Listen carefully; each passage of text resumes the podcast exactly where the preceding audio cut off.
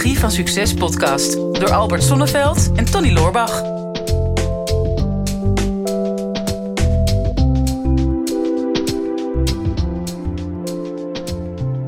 Zo, Albert, waar zullen we het nu eens over hebben? Ja, ik, ik vroeg me af. Hè. Ik werd vanmorgen wakker en toen dacht ik van... eh, als we nou met z'n tweeën zijn, zijn we dan ook een community?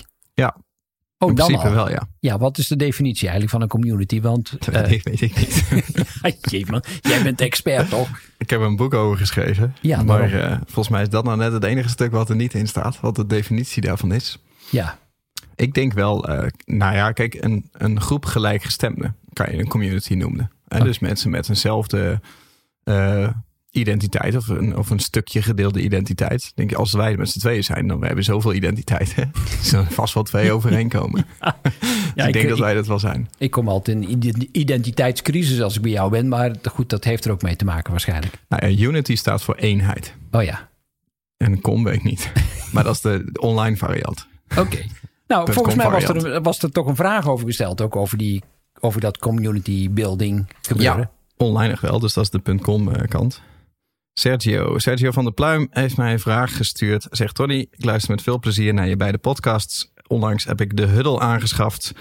Ik ben daarom benieuwd wat jij en Albert te vertellen hebben over de psychologie van community building. Nou, de Huddle, voor de luisteraar die het niet weet, dat is onze community building software. Ja. En daarmee eh, hebben we nu al meer dan 500 ondernemers in Nederland die hebben met onze software een community opgezet. En die hebben dus opgeteld inmiddels al meer dan 440.000 leden. Ja, met elkaar in verbinding. Ja, dus dat is echt, echt bizar. Dat zijn, eh, we zijn daar twee jaar geleden mee gestart. En wat je dan doet, is hè, je zet een soort van eigen Facebook op. Hè, dus op, gewoon op je eigen domeinnaam. En daar worden mensen dan lid van. Dus we hebben een gitaarles en we hebben een breiklub. En We hebben een Eh, coachplek. we hebben een coachplek. En ik vond ook wel grappig. Ik zag nu naast de breiklub hebben we nu ook de bijenclub. En dat is dan iemand die heeft dus een e-learning gemaakt. eh, waar die video's in de achtertuin opneemt van hoe je zelf imker kan worden. Oh, daar wil ik wel bij zijn. Ja, ja, precies. nou ja, je verdient er niet veel mee. Ik bedoel, het blijft een bijbaan natuurlijk. Maar, Ja, sorry. Jongen, oh, oh, wordt het zo'n podcast? Ja, nee, nee, dat is bijzaak. Maar goed. Ehm, maar eh, het is een, een bijenclub. En dat is een heel mooi voorbeeld van dat je zeg maar op een heel klein interessegebied, bijvoorbeeld van nou, hè, ik eh, wil graag imker worden of ik wil bijen houden.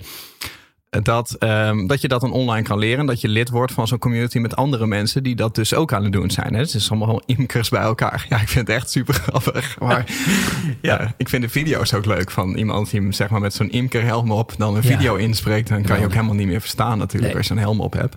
Maar eh, nou. Fantastisch. maar het zijn, allemaal, het zijn Ja. allemaal niche-markten. Hè? Want Ja. In feite, er zijn, weet je, totdat je erin gaat verdiepen. Maar ik was eh, vorige week op de vliegbasis eh, Leeuwarden. Mhm. En dat was een heel spektakel met, eh, met een bijzonder vliegtuig wat geland werd. Wat daar ging landen. En het is onvoorstelbaar hoe gepassioneerd mensen over een bepaald vak kunnen spreken. Weet je wel, Ja. dan hoorde ik mensen die later piloot wilden worden, maar gewoon als kind al, als 14-jarig kind met de neus tegen het hek stonden te kijken bij zo'n landingsbaan en zo'n startbaan. Mhm. En daar de rest van hun leven gepassioneerd over zijn. En ja, die zoeken natuurlijk like-minded people. Ja. Gewoon. Eh, want dat, dat geeft een gevoel van samenhorigheid. En vervolgens had ik die, eh, die een paar foto's doorgestuurd naar mijn zwager, die eh, vliegtuigspotter is. En hij zei, ja, ik heb het gedeeld met een community van 53.000 mensen. Ik denk, wow man, ik had daar gewoon echt geen weet van. Maar zo heb Ja. je natuurlijk in iedere hobby... heb je wel een, een groep mensen die zich wil verbinden. Ja, klopt.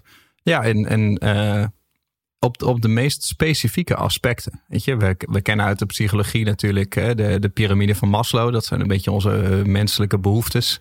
Ja. Van waar we als allereerste behoefte aan om te kunnen overleven. En daar staat toch sociaal contact of het gevoel hebben dat je onderdeel bent van een groep. Staat daar, staat daar best wel in de basis. Dat heb je Ja. eigenlijk wel nodig. Mensen kunnen ook niet zonder andere mensen. Dat is ook een beetje het, eh, het Ubuntu-principe uit het eh, oosten, denk ik. Komt het vandaan? Afrika. Ja, Afrika. Ja. nou, dat is bijna het oosten, toch? nee, het Ubuntu-principe van... ehm, een, een mens wordt pas mens door andere mensen. En, eh, en niet alleen gewoon een, een, de hele mensheid is een community, maar daarbinnen voelen we ons gewoon heel erg aangetrokken tot mensen die, die net zo zijn als wij. Ja. Eh, Seth Godin heeft daar een leuk boek over geschreven. Dat heet We Are All Weird. Eh, Dus we zijn allemaal gekkies. En eh, voelen ons met name aangetrokken tot mensen die net zo gek zijn als wij. Ja. Dus, dus als jij een ondernemer bent, dan ben je in de ogen van een niet-ondernemer ben je een beetje een gekkie. Of als jij eh, bijvoorbeeld een bergbeklimmer bent, dan ben je in de ogen van alle mensen die niet bergen beklimmen, ben je een beetje een gekkie. Maar de mensen die ook bergen beklimmen, die vinden dat niet. Ja. En de eerste volger maakt van een gekkie een leider. Ja, En dan dus- ontstaat er een community. ja geweldig toch? Want Ja. precies, ik moest nog even denken aan die film van Tom Hanks, Castaway. Ja. Je dat hij op een gegeven moment aanspoelt op een eiland. En ja, een onbewoond eiland is hij alleen. En op een gegeven moment begint hij tegen die voetbal te praten. Ja, volleybal. Ja. Ja, of volleybal. Maar in ieder geval, hij was, weet je, zo sterk zit dat in ons gebakken om toch weer een soort ja, spiegel te creëren waarin we in ieder geval kunnen communiceren en in contact kunnen zijn. Dus zo fundamenteel is die behoefte om eh, iets te delen met andere mensen. Nou, jij hebt mij ooit geleerd, eh, ehm, toen wij het over vrijheid hadden, een jaar geleden, toen stelde jij die vraag: hè, van wat is jouw definitie van vrijheid? Ja. En eh, ik weet nog dat ik toen heel netjes antwoordde van nou, hè, vrijheid voor mij, dat is eh, kunnen doen wat ik wil, wanneer ik het wil, zo vaak ik het wil, zonder daarbij ook maar enkele vorm van verantwoording af te hoeven leggen aan iemand anders. Ja, weet je nog hoe je reageerde? ja lachend. ja, afprecies. Nou, wat, wat was jouw definitie? Ja, mijn definitie is eh, dat je pas echt vrij bent als je volledig kunt accepteren dat je voor 100% afhankelijk bent van andere mensen. Ja, dus dat is bijna hetzelfde. Dat is bijna hetzelfde. Maar dan, dan moet je even goed over nadenken. Maar daar, daar zit heel veel in. Hè? Dat je, ja, eh, als je nu om je heen kijkt, waar je ook zit te luisteren op dit moment. Maar alles wat, wat je om je heen ziet gecreëerd, dat, dat is gecreëerd door je medemens. Mhm. Ehm, we zijn onderdeel van een groter systeem. Eh, de voeding het, die, je- die je tot je neemt, eh, is waarschijnlijk ook door een ander mens gecreëerd en getransporteerd. En misschien zelfs wel bereid. Eh, dat geldt voor alles voor de kleding die je aan hebt. Dus we hebben elkaar nodig, hoe dan ook. En niet alleen in de fysieke, materiële vorm, maar vooral ook, vooral ook in een emotionele vorm. Hè, want er zijn helaas ook veel dierenexperimenten mee gedaan. En een van de experimenten die gedaan is met aapjes, eh, die, die ehm, door een soort robot gevoed werden. Ehm, en en nou ja, daar hadden ze dus de keuze uit om, om te drinken uit een, uit een flesje dat eh, door een robot werd gegeven. En eh, de andere was een zacht, pluizig eh, beestje waar ze tegenaan konden kruipen, maar geen voeding van kregen. Dat ze toch de voorkeur gaven aan, de, aan dat contact, die fysieke nabijheid, die verbinding. In plaats van eh, een, een verbinding met een machine waar ze wel voeding van kregen. Dus emotionele voeding is blijkbaar belangrijker voor zoogdieren dan zeg maar materiële voeding. Dus Ja, nou ja, het, is, het zit in ons overlevingsinstinct. En ehm is een heel interessant boek. eh, de, de Ultieme Kudde heet dat. Ik ben de auteur even kwijt, maar ehm dat kan je wel vinden als je het googelt. De Ultieme Kudde. En ehm, daarin schrijft de auteur ook een heel stuk over hoe, eh, hoe het kan dat wij als Homo sapiens eigenlijk de dominante diersoort op aarde zijn geworden. En hij maakt een hele interessante stelling. En ik weet niet wat de wetenschapper van vindt, maar hij zet dan een plaatje van een mens en een gorilla naast elkaar. Ja. Je hebt een hele grote behaarde gorilla, die is veel sterker, die is veel beter bestand tegen slecht weer, die zou beter moeten kunnen overleven.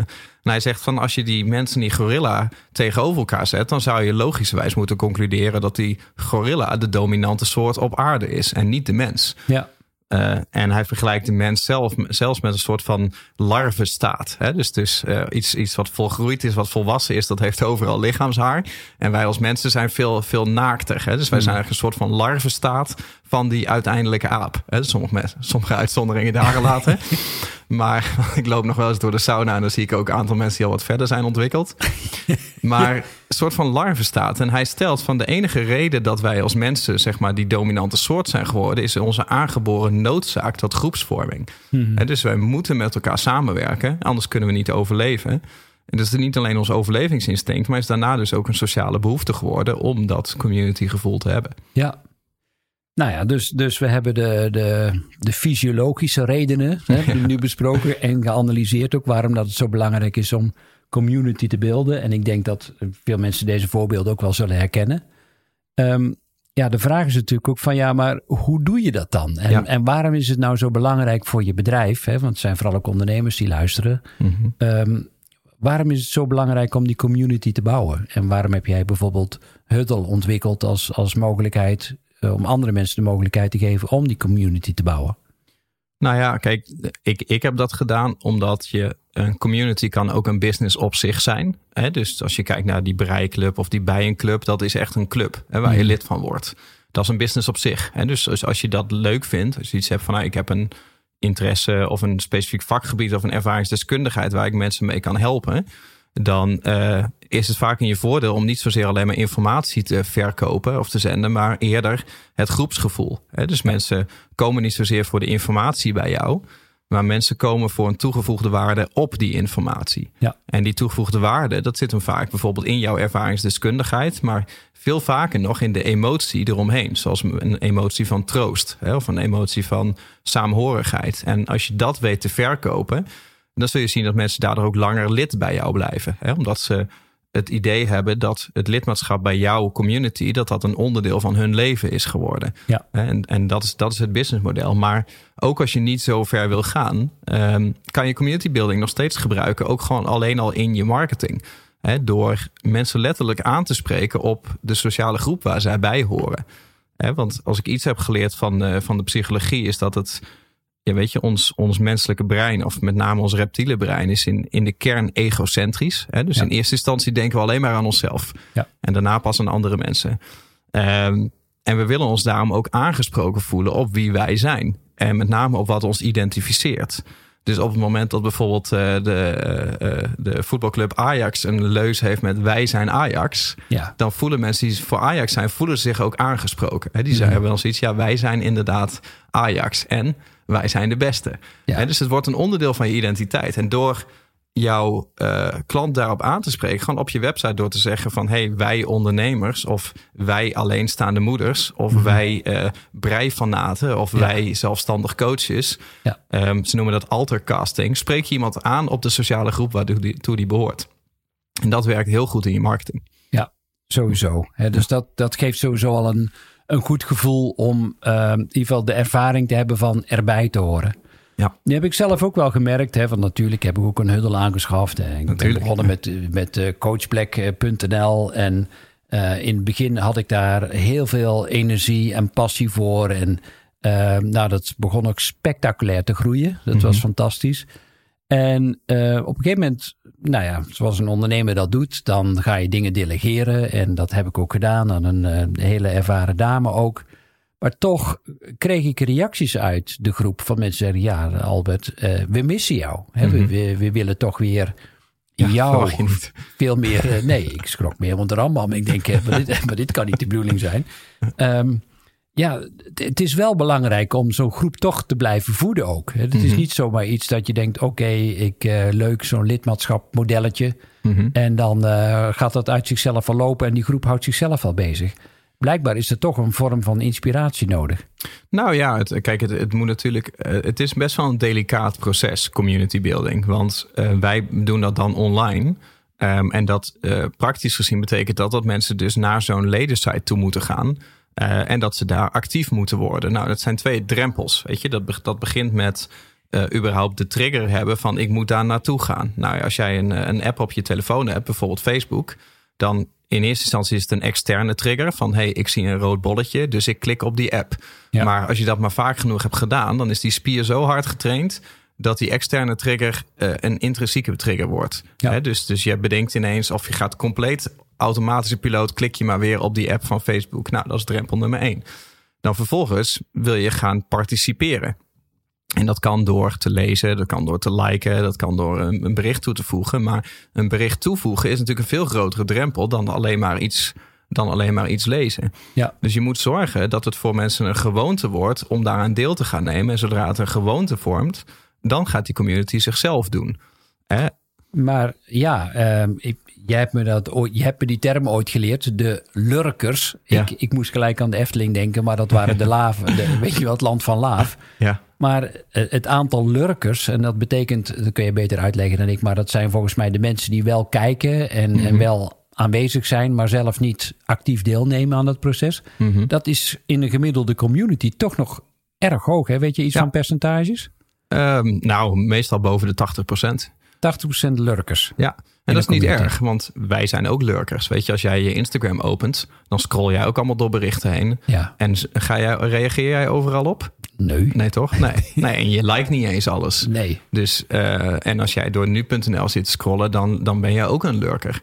Dus ehm, dat hoeft niet een probleem te zijn. Hè? Je kan iemand jarenlang in je community hebben die nog nooit iets bij je heeft gedragen, maar die alleen maar eh, absorbeert. Maar die voelt zich wel onderdeel daarvan. Hè? Of het is een Ja. vaste gewoonte voor mij om eh, elke dag even door mijn Instagram heen te scrollen. Of door alle stories te bekijken van mensen die iets aan het posten zijn. Dus dat zou voor mij nog steeds een reden zijn om lid te zijn van Instagram. Hè? Ook Ja. al is het dan gratis lid. En ehm, op het moment dat iemand moet betalen, dan is het ietsje ingewikkelder. Zolang er maar genoeg mensen zijn die wel ehm, zeg maar het, het vuurtje gaande houden. Ja. Nou, en daarvoor heb je een aantal extra stappen nodig. Weet je? Dat beschrijft meneer Eyaal in zijn boek Hoekt. Eh, hij zegt het begint met die trigger. Mensen moeten een reden hebben om er naartoe te gaan. Vervolgens zullen ze een bijdrage moeten doen, dus een actie. En een actie kan dus zijn liken of lezen of een reactie plaatsen of, of wat voor actie dan ook. En die actie die moet eigenlijk een variabele beloning met zich meedragen.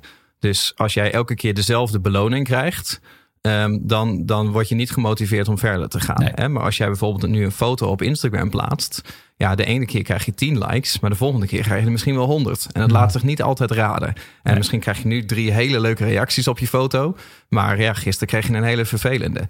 Dus, de, dus de, de beloning die je krijgt, die is variabel. En de vierde stap is de investering. Dus hoeveel te meer jij aan tijd en energie in zoiets steekt, des te harder die spier wordt gebouwd. En des te groter het als verlies voelt op het moment dat je ermee ophoudt. Ja. Dus jij je Instagram helemaal hebt gevuld met allemaal foto's en je hebt allemaal vrienden gemaakt, je hebt allemaal likes. Dan voelt het als verlies om dat los te gaan laten. En als je een account had en je had er nog niks mee gedaan, dan kan je hem ook weer heel makkelijk verwijderen. Ja. Dus dat, dat zijn nou de vier stappen. En ehm, dat wil je in je business eigenlijk, eigenlijk brengen. Nou ja, en daarvoor zul je wel het vuurtje moeten aanwakkeren. Ehm, en zul je voor een sfeertje moeten zorgen dat niet zozeer jij degene bent die de hele dag met iedereen in gesprek is, maar dat mensen op een gegeven moment met elkaar in gesprek gaan. Ja, en ik weet hè, dat je, je hebt er allerlei leuke dingen voor bedacht. Hè? Dus eh, gamification heb je erin gebracht, allerlei challenges. Mhm. Er zijn wel allerlei manieren om mensen ook letterlijk en figuurlijk aan boord te houden. Want dat is wel nodig, zeker in deze tijd volgens mij. Want Ja. mensen zijn zo snel afgeleid en nou ja, hebben zoveel om bij te houden. Want het is vaak niet alleen Instagram, maar er is ook nog Facebook en LinkedIn tegenwoordig. En, Mhm. nou ja, dus dat, dat groeit en groeit om die aandacht voor die community vast te houden. We hebben ook eh, een eerdere podcast al wat meer verteld over vriendschappen en, en hoe je die kunt onderhouden. Dat, dat vraagt best wel, ehm, ja, in ieder geval een, een, het creëren van een grote aantrekkingskracht voor zijn community. Of is er iets wat mensen intrinsiek motiveert of blijft motiveren voor die community? Nou, dat, dat wel. Kijk, ik heb een community, ehm, maar ik ben daar zelf nooit. En Nee. Want het, tenminste, of ja, ik ben een lurker in mijn eigen community. Ja. Dus ik, ik post nooit wat. Ik like af en toe iets, maar meestal mijn eigen berichten als ik een aankondiging doe. want daar krijg ik punten voor. Maar ja, ik sta ook niet zo hoog in, in het leaderboard. Hè? Want wij hebben het dan zo gebouwd dat, je, het, dat er een spelelement in zit. Hè? Dus je krijgt punten als jij iets post of als je geliked wordt of als je aan een challenge meedoet. En ehm, dat soort dingen werken heel goed om het op te werken. Maar ja, bij mij past dat minder. Maar ik scroll, ik scroll daar wel doorheen. Maar dat was natuurlijk in het begin niet zo. In het begin was ik daar wel meer aanwezig. En mijn compagnon Martijn net zo. Die was daar in het begin veel meer dan, dan dat hij daar nu is. Ja. Omdat dat inmiddels opgevangen is door andere mensen. Dus ehm, andere mensen geven nu al de antwoorden die wij normaal gesproken gegeven zouden hebben. Dus wij hoeven dat alleen maar te zien of dat antwoord klopt.